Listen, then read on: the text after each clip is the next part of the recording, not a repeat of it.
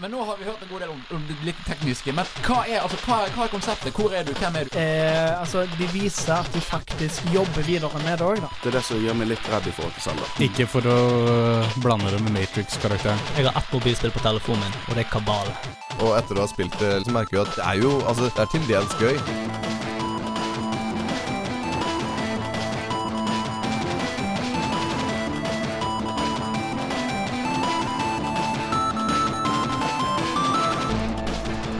Det er påskeferie.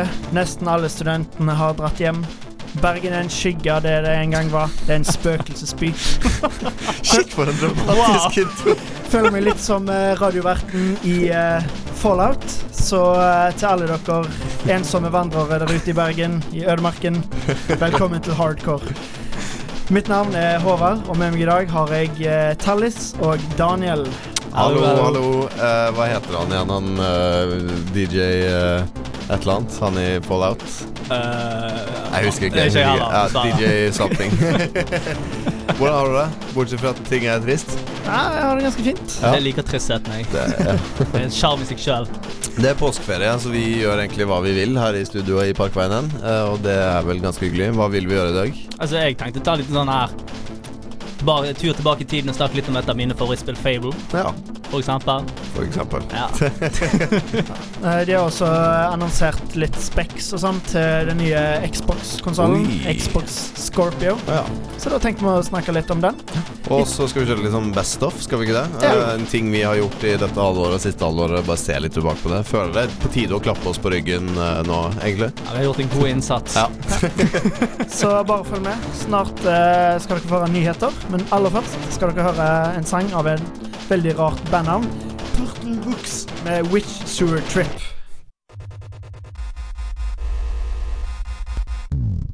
Du hører på en podkast fra Studentradioen i Bergen. Fra Studentradioen i Bergen. Fra Studentradioen i Bergen. Flere podkaster finner du på srib.no.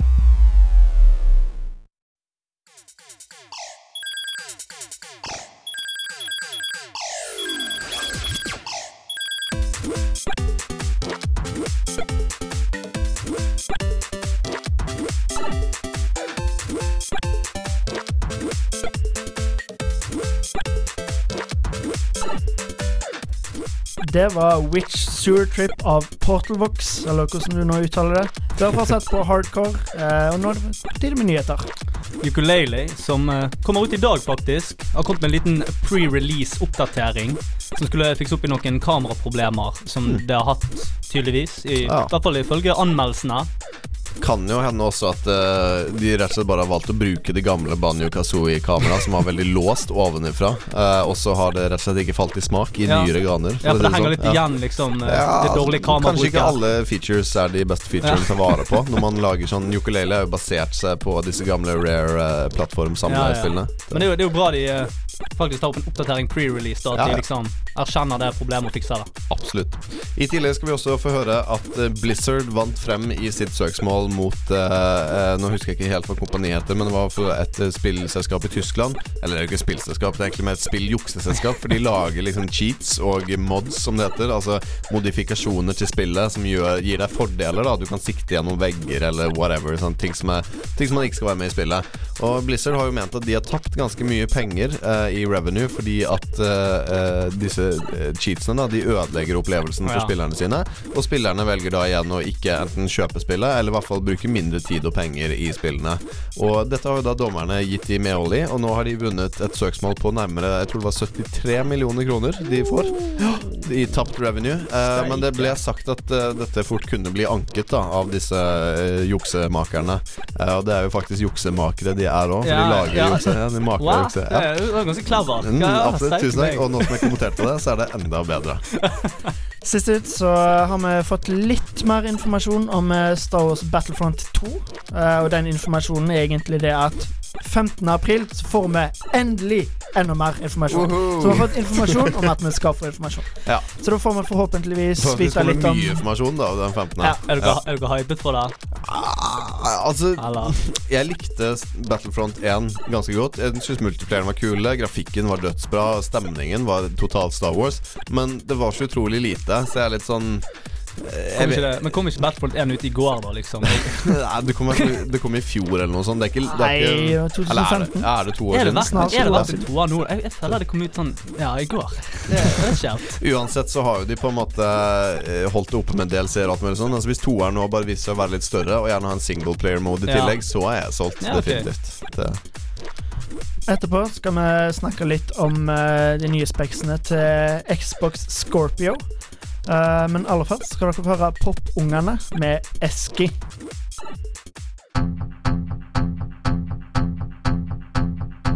Du hører på en podkast. på Studentradioen i Bergen. Flere podkaster finner du på srib.no. Det er tydeligvis en trend med rare bandnavn som jeg sliter med å uttale. Men eh, dere hørte nettopp eh, Eski av Popongene, eller Ja. Popungene, Altså Nå har vi sagt det to forskjellige måter, så en av de er riktig, i hvert hvert jeg fall. føler det. det. Det er på Ja. Jeg lover dere. Ja. Uh, de annons eh, Xbox har annonsert uh, tidligere at de lager en ny konsoll. Litt sånn som eh, PlayStation Pro. Mm. Eh, en, ja, for det er med en halvkonsoll, en slags mellomleddskonsoll. ja, en bedre versjon av Xbox One som allerede er ute. Eh, de har snakket om det lenge, men endelig har vi fått noe mer informasjon Mm. om hvordan den kommer til å bli. Ikke, ikke bare har vi fått mer informasjon, vi har egentlig fått all informasjon. Uh, I motsetning til Battlefront eh, 2, som liksom gir ut informasjon på in informasjonsdatoen, så har nå Xbox Scorpio uh, før E3 og alt mulig gitt ut liksom full spekkliste av uh, Ok. Av eh, Xbox Scorpio.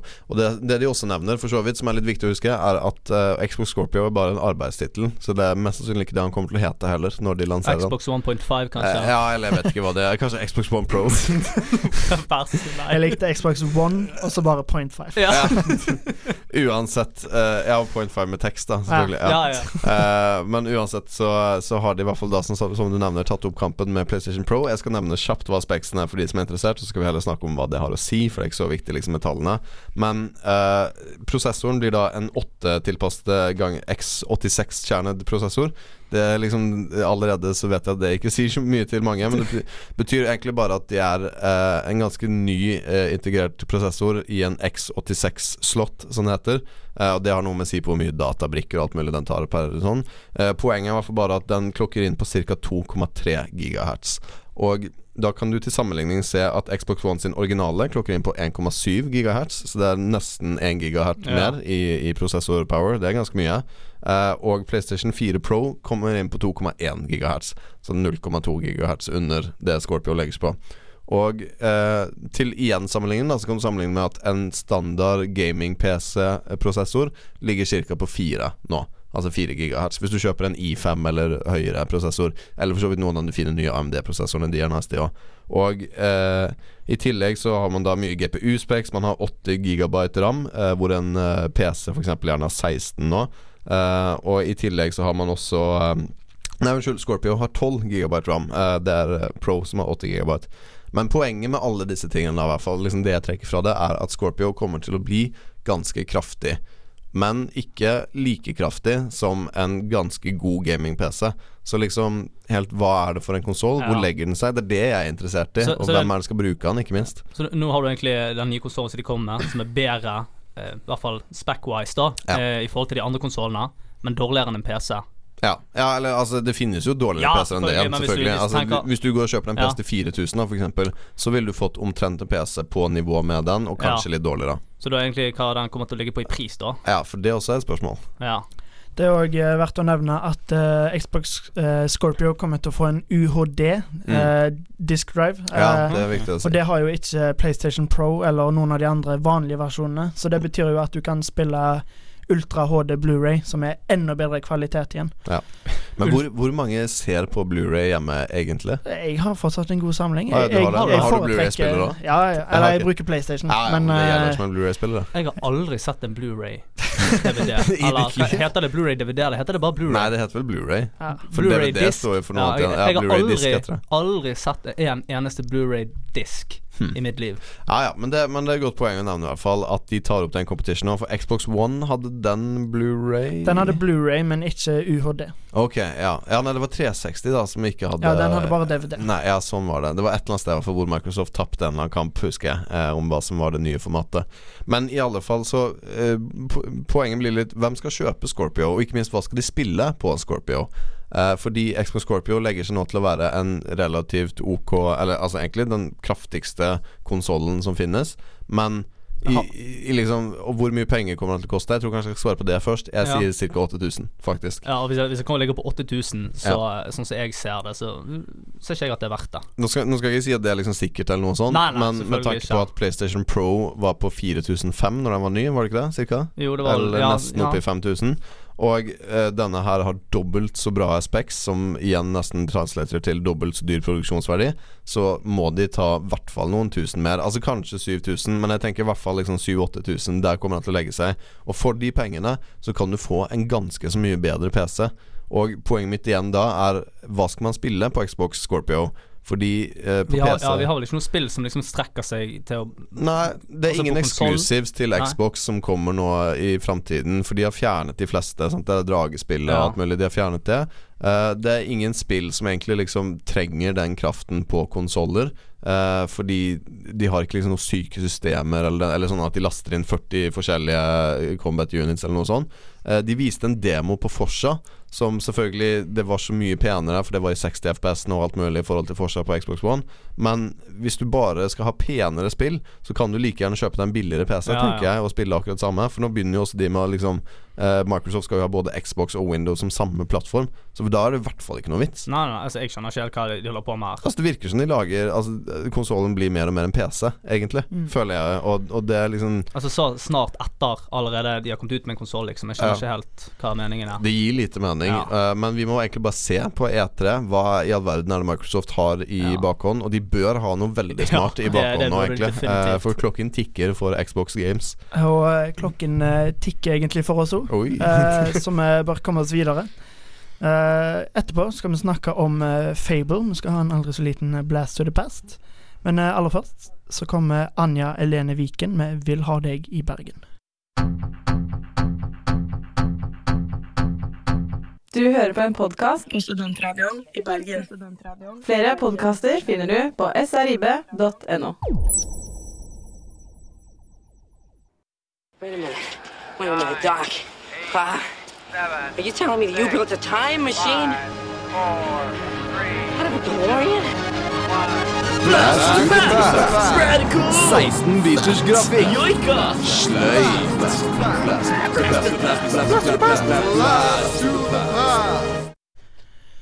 Dere hørte Anja Elene Viken med 'Vil ha deg i Bergen' her på Studentradioen i Bergen. Dere hører fortsatt på Hardcore med meg, Håvard, Daniel og Tallis. Hallo. Hei sann. Og Tallis, eh, det var du som eh, foreslo dette temaet i dag til Blast to the Past. Det stemmer. Jeg vil gjerne snakke om eh, Fable. Og det var Det som spiller spill da jeg var liten, så kom jeg borti et sånt spill der du liksom Du kunne gjøre valg, da. Du kunne enten sånn her Kanskje du, valgte å drepe han eller spare livet hans, sånn skåne han. Du kunne få deg en kone.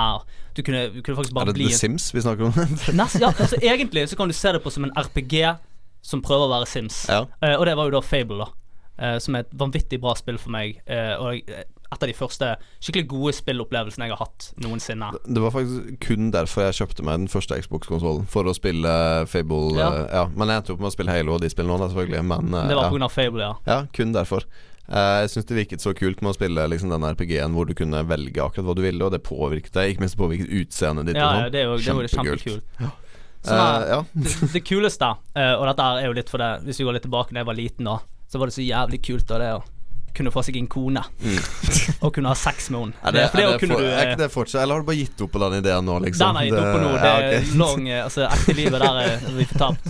Men altså, jeg skjønte ikke hvorfor det var kult når du var liten, og ikke nå, liksom. det var, bare, men det var kult du kunne gjøre det i et spill, fordi du kunne ha sex. Okay. ja, husker ikke når du spilte skjønner. Sims, og så prøvde du liksom ja, å men de hadde den kjipe mosaikken. Til og med når ja, du hadde koden som gjorde at du kunne du flytte har- dusjen og sånn, så skjedde ingenting. Men du vet, altså fantasien din er jo det som spiller mest Ja. uh, inn her. sant? Altså det var ikke sånn Du hørte jo bare noen lyder, og så har du sånn cutscene der du så Men jeg husker ikke, jeg I. Fable 1 var det sånn Kunne du bli sammen med hvem som helst? Var det ikke bare et par spesifikke man kunne bli sammen med? I Fable 1 så var det bare et par spesifikke, Ja. er ganske sikkert. Mens i uh, hvert fall treeren Ja, Der- der kan du hvem som helst. Der kan du hvem som helst. Der kan du velge og vrake. Gutt og jente, katt og hest, Ja, det var ikke måte Liksom. på. Det- Det, er gutt og jente i Fable 1 òg, Ja, ok. Ja. men det er spesifikke karakterer. Ja, tidlig ute med det.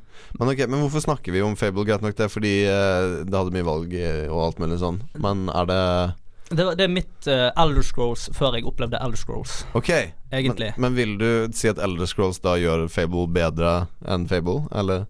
Nei, nei, nei, ikke i det hele tatt. Det, det, gjør det, gjør det annerledes. Ok, Ja. Så det det som gjorde Fable uh, annerledes i forhold til Elder Scrolls, altså det som skiller de, egentlig eh, at det er tredjeperson. Mm. Nå kan du selvfølgelig stille Skyrim inn i tredjeperson, men det er, ikke, jo, jo. det er ikke optimalisert for det. Nei. Du får en skikkelig sånn her falsk følelse når du stjeler ting i tredjeperson i Skyrim. Og så vil jeg også si at Fable er mye mer linært enn Skyrim. Ja, Det ja, er jo egentlig den jo- største forskjellen. Ja, det er gjerne den største forskjellen.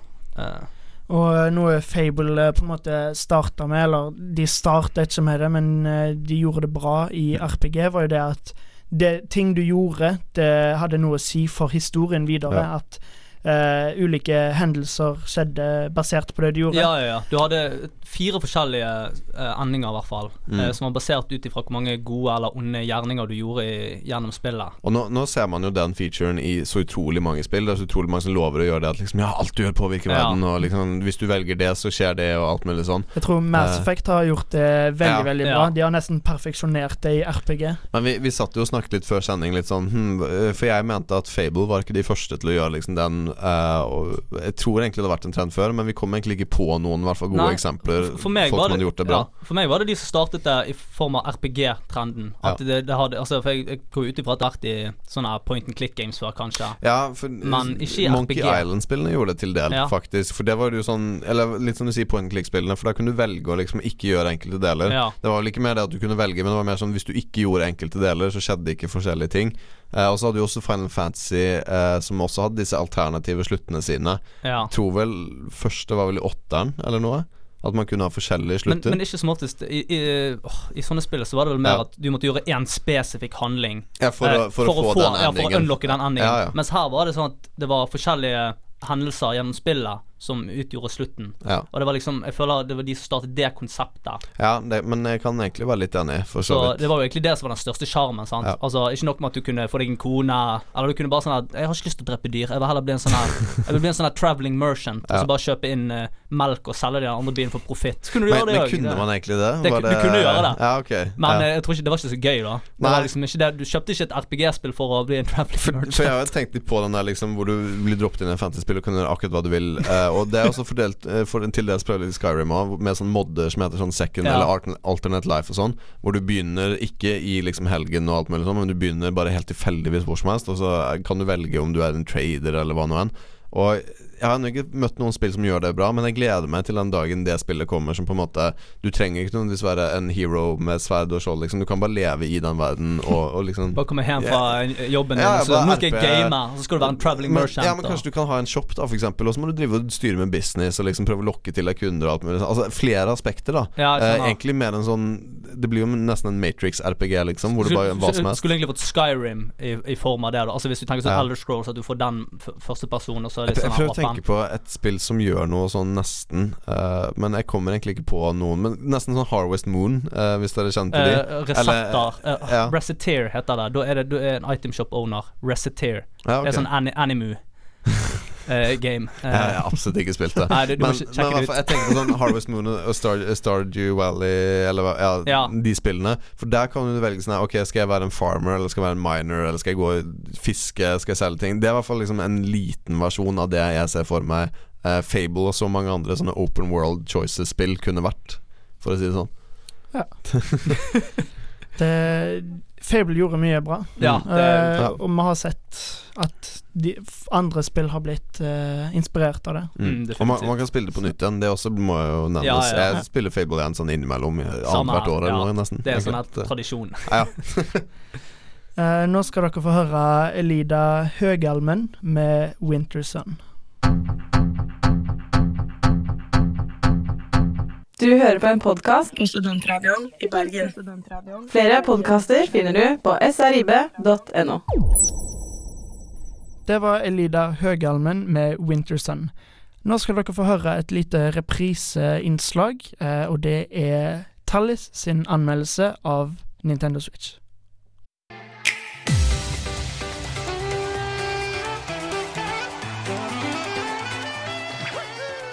Nintendo Switch, den nyeste konsollen til Nintendo.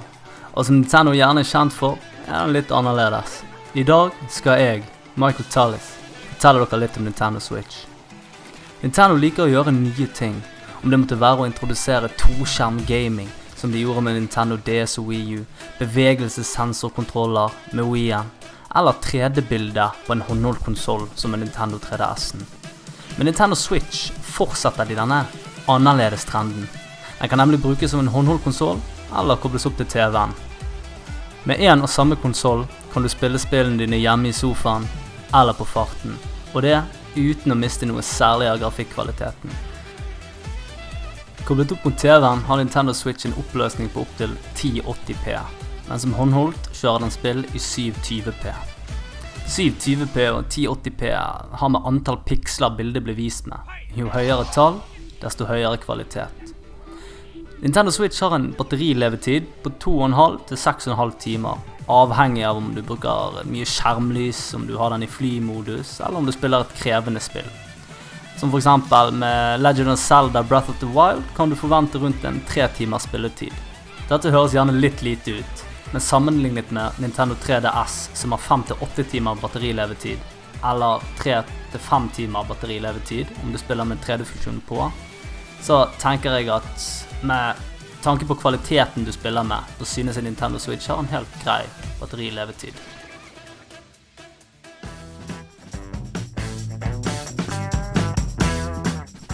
Jeg var veldig bekymret for hvordan kontrollen til Nintendo Switch kom til å bli.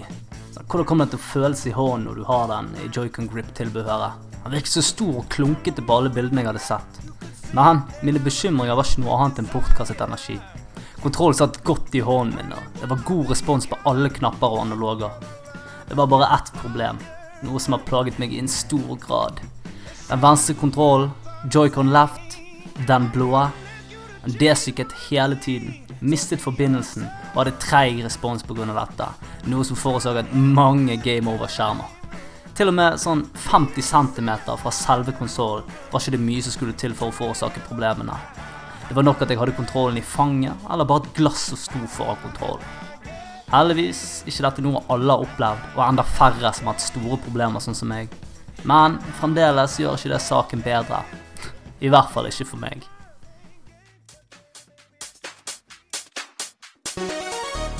Om vi skal sammenligne Nintendo Switch med PS4 og Xbox One, ser man fort at hardware-messig er disse konsollene overlegen. Med dobbelt så mye RAM og CPU-kjerner som Nintendo Switchen, som ligger på en 4 GB RAM og 4 CPU-kjerner, er det ganske åpenbart. Det er heller ingen nettverksport Nintendo Switchen, noe som gjør deg avhengig av trådløs forbindelse. Og I tillegg så kommer eh, Nintendo Switch med 32 GB internminne, noe som er vesentlig mindre enn det PS4 og Xbox One kommer med, som ligger på 500 GB. Heldigvis så har du i hvert fall en micro SD-inngang, så du kan alltids kjøpe lagringsplass etter behov. Men Nintendo Switch er ikke noe man kjøper for grafisk overlegenhet. Det er heller en konsoll du kjøper for Nintendo Exclusives, for muligheten til å spille disse Nintendo-spillene som i hvert fall jeg er veldig glad i. Eller kanskje for spill som blir portet til den, som du alltid har lyst til å spille gjennom på en håndholdt konsoll. Du kjøper den for muligheten til å spille spill til tross for at TV-en er i bruk av noen andre. Du kan bare løfte den rett opp av dokken og fortsette akkurat der du slapp. Det er en konsoll du enkelt kan slenge med deg og spille de samme spillene du nettopp spilte på TV-en, uten noe særlig mangel på kvalitet. En konsoll med små detaljer, som bevegelsessensor, som øker gleden av mange spill, selv om det virker som om det utgjør så lite. Det er en konsoll som har det lille ekstra, og ikke ligger alt på hardware, men satser heller på sjarm og småting. For meg er det den perfekte konsoll. Du hører på en podkast fra Studentradioen i Bergen. Flere podkaster finner du på srib.no.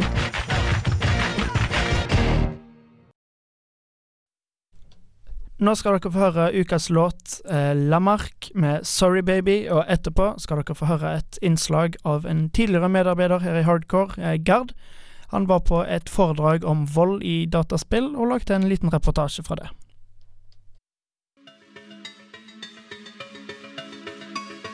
Folk har alltid vært bekymret når nye medier kommer på banen. Spillet er ikke et unntak. Grand Theft Auto er et eksempel på en spillserie som det har vært mye debatt rundt. Du kan gå rundt og drepe så å si hvem du vil, stjele biler og forårsake kaos som du selv ønsker. Gjentatte ganger i media ser man at spill får skylden når ting går galt. I 2008 fikk skytespill en del av skylden for to skolemassakre som skjedde i Finland, selv om spillforskere sa at det var en for enkel løsning. Det er kanskje ikke så rart at folk blir bekymret når barn og unge setter seg inn i disse spillene, men har de egentlig grunn til det? Jeg dro på debatt på Litteraturhuset i Bergen i regi av Mediesamfunn for å høre om hva folk som jobber innenfor feltet mener om vold og moral innen spill. Blant dem var Kristine Jørgensen, som leder prosjektet Games and Transgressive Aesthetics ved Institutt for informasjon og medievitenskap. Altså, hvis du spør en, eh, en, eh, en kristen, konservativ gammel dame om hva som er grenseoverskridende, så vil jo hun svare noe helt annet enn det en garvet gamer gjør. Og noen mener jo at dataspill i seg sjøl er det jo bare gøy å leke. Så derfor skal ikke man ha ubehagelige ting i dataspill i det hele tatt. Mens andre vil jo si at eh, dataspill er jo også et, eh, et, eh, en ytringsform og en kunstform, og burde på et eller annet tidspunkt for å vise at vi er moden nok til å, som medium til å takle det, også takle den type ting. Det er vanskelig å si hvor grensen går i spill, fordi det kommer an på hvem som faktisk spiller. Jeg var også så heldig å få intervjue sjefen for Rain Games, Peter Meldal, om hva han syns om vold i spill. Spill har jo hatt en lang historie med å bli kritisert for vold og den type ting. Men jeg tror kanskje det viktigste å se på i dag, er å se om de uh, elementene de har med, er der av en, uh, av en gjennomtenkt årsak eller ikke.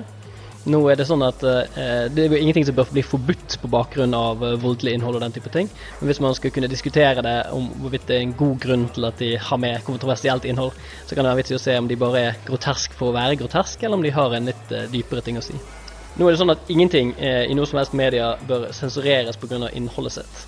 Eh, igjen, da kommer det, det eneste man kan kritisere noen for, er å gjøre noe i dårlig smak. Hvis man uh, Hatred er et spill som eh, ble trukket frem mange ganger for å være litt sånn uh, blodig og voldelig og sinna for, for å være sinna. This is the time of vengeance, and no life is worth saving. og det som skjer der, er det virker å være fullstendig eh, avkoblet fra virkeligheten og, og merkelig. Og, og, det er bare for å, å fryde seg over det groteske ved de handlingene man gjør. Og ja, Man kan si det er dårlig smak, men det er ikke sånn at det er over streken på noe nivå der eh, man bør forby hatred eller si at folk ikke skal spille det osv. Alle medier må gjennom en runde med å bli kritisert. og Det er helt tilbake igjen fra eh, i Paris når folk var skeptiske til hva teater kom til å gjøre med ungdommen. Og frem igjennom, altså Musikk kom helt tydelig til å ødelegge etterkrigsgenerasjonen. TV kom til å gjøre oss alle til zombier og kom til å forråtne sjelen. Og eh, spill kan selvfølgelig også ta ungdommen. Eh, men vi har jo sett at det har jo forbedret seg. Staker har blitt mer tosidige etter hvert, og spill begynner å sakte, men sikkert gli inn som en akseptert kulturform. Så gi det 10-15, kanskje 20 år til, så er vi nok der. Peter sier at vi ikke kan sensurere spill på bakgrunn av voldelig innhold, men vi kan si at noe er kritikkverdig hvis det er gjort i dårlig smak. Spill er på vei til å bli sett på som en akseptert kulturform, og forskere kan ikke påvise sammenheng mellom vold i filmer og spill med vold i det virkelige liv. Et annet tema som kom opp i debatten, er stereotypisk fremstilling av skjønn.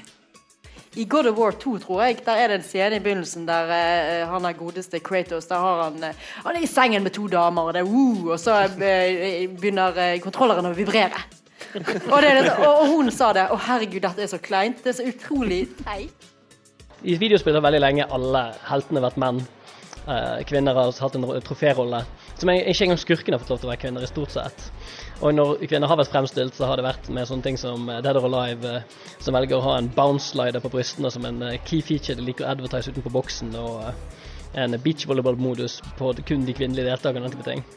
Så ja, det har vært litt problematiske fremstillinger her og der. Det har vært dominert av det faktum at man føler man selger til et 14 år gammelt guttepublikum, som blir stadig vekk mer feil. Dette her er jo en sak som spill har tatt opp over seg sjøl, og det har begynt å forbedre seg. Vi ser flere kvinnelige karakterer nå, og de er litt mer velbalanserte, og det er en god ting. Det, det går litt på kultur og hvorvidt spill blir tatt seriøst. Spill trenger å vokse opp litt, samtidig når spill blir akseptert som en kulturform, så tar det seg sjøl også litt mer alvorlig. De mener at det kanskje kan være litt ugreit å, å fremstå utrolig pubertalt på den måten. Eh, og, og kan finne på å, å, å prøve å få med litt mer balanserte karakterer, litt mer fornuftig kvinnesyn. Men også, det går på hele greien, ikke bare kvinner. Altså andre etnisiteter, minoriteter. Om spill kan håndtere sånne ting som seksualitet generelt. Det har vært vanskelig så langt, men vi har begynt å se en stor endring. Spill har fortsatt en vei igjen å gå når det kommer til stereotypiske framstillinger, men man ser en forandring. Kvinnelige spillkarakterer får mye større roller enn de gjorde før. For å oppsummere kan vi si at spill ikke burde sensureres, men man kan si at enkle ting blir gjort i dårlig smak, men ikke til den graden at man ikke skal kunne spille spillene. Man kan si at debatten har blitt mye mer tosidig, og spill glir inn som en akseptert kunstform. Jeg tror at litt av grunnen til at dataspill ofte blir presentert liksom veldig unyansert i mediene, er fordi at de av sin natur er et medium som må oppleves. Altså, de må spilles.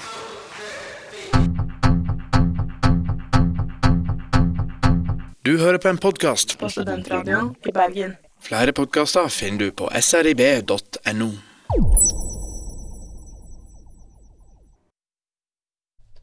Det var Mustard and the Silverfish med Jubilee Green. Nå skal dere få høre innslaget Håkon lagde om Super Star Wars.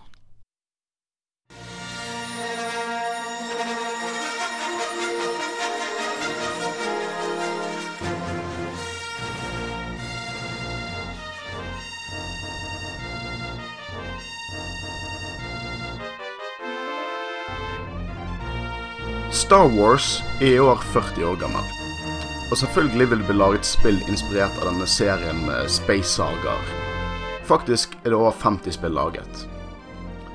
Med det som kanskje var det første som nailet fil av Star Wars i gameplay, grafikk og lyd, var 1992s Super Star Wars til Super Nintendo. I mange år har jeg hatt lyst til å spille dette spillet, og i 2015 ble det sluppet en versjon eksklusivt til PlayStation 4. Dette historiske spillet har jeg spilt gjennom.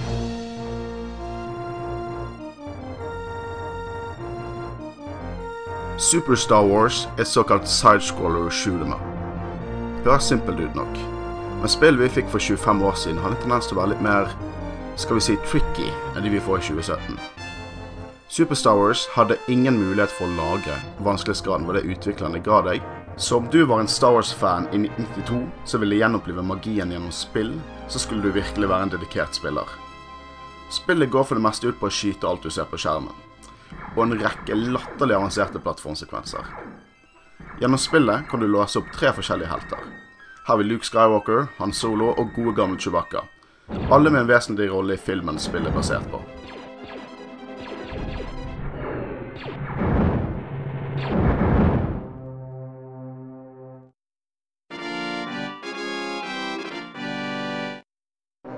Super Star Wars var en smule revolusjonerende innenfor grafikk. Den vanlige sidescroller-modusen ser crispy og detaljert ut, men det er 3D-nivåene som tok kaken. Super Star Wars hadde nemlig nivåer der du kunne styre en speeder eller en X-wing i tilsynelatende 3D-miljø. Dette var meget imponerende for 1992, og mange spillere ble tiltrukket spillet nettopp pga. dette her. Så begynte mitt eventyr gjennom dette gamle his... Og jeg er allerede død. Akkurat, ja. Dette er ikke et legospill, akkurat. Etter utallige forsøk kom jeg meg gjennom første bane, og i old school fashion er det hemmeligheter i spillet. Nøkkel i Super Star Wars er å finne oppgraderinger til karakteren. Jeg fant meg en spot der jeg i ren frustrasjon skjøt uendelige fiender.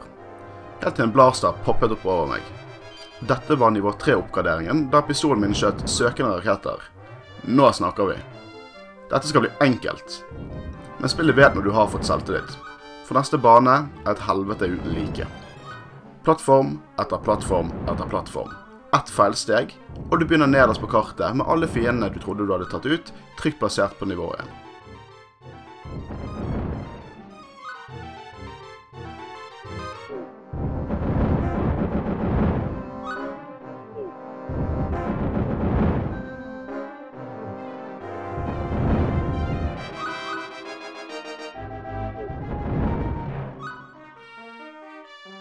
Men om man kommer seg gjennom de første nivåene, åpner Super Star Wars seg.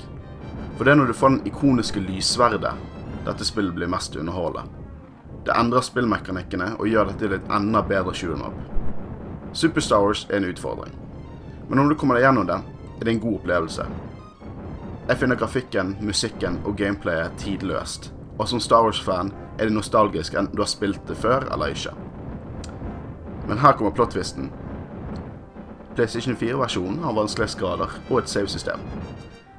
Så dette er historien om hvordan jeg rundet Super Star Wars.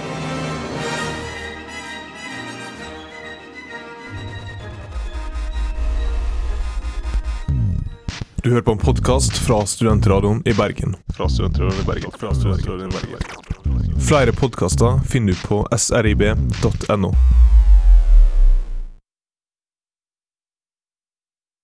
Hva kommer i dag?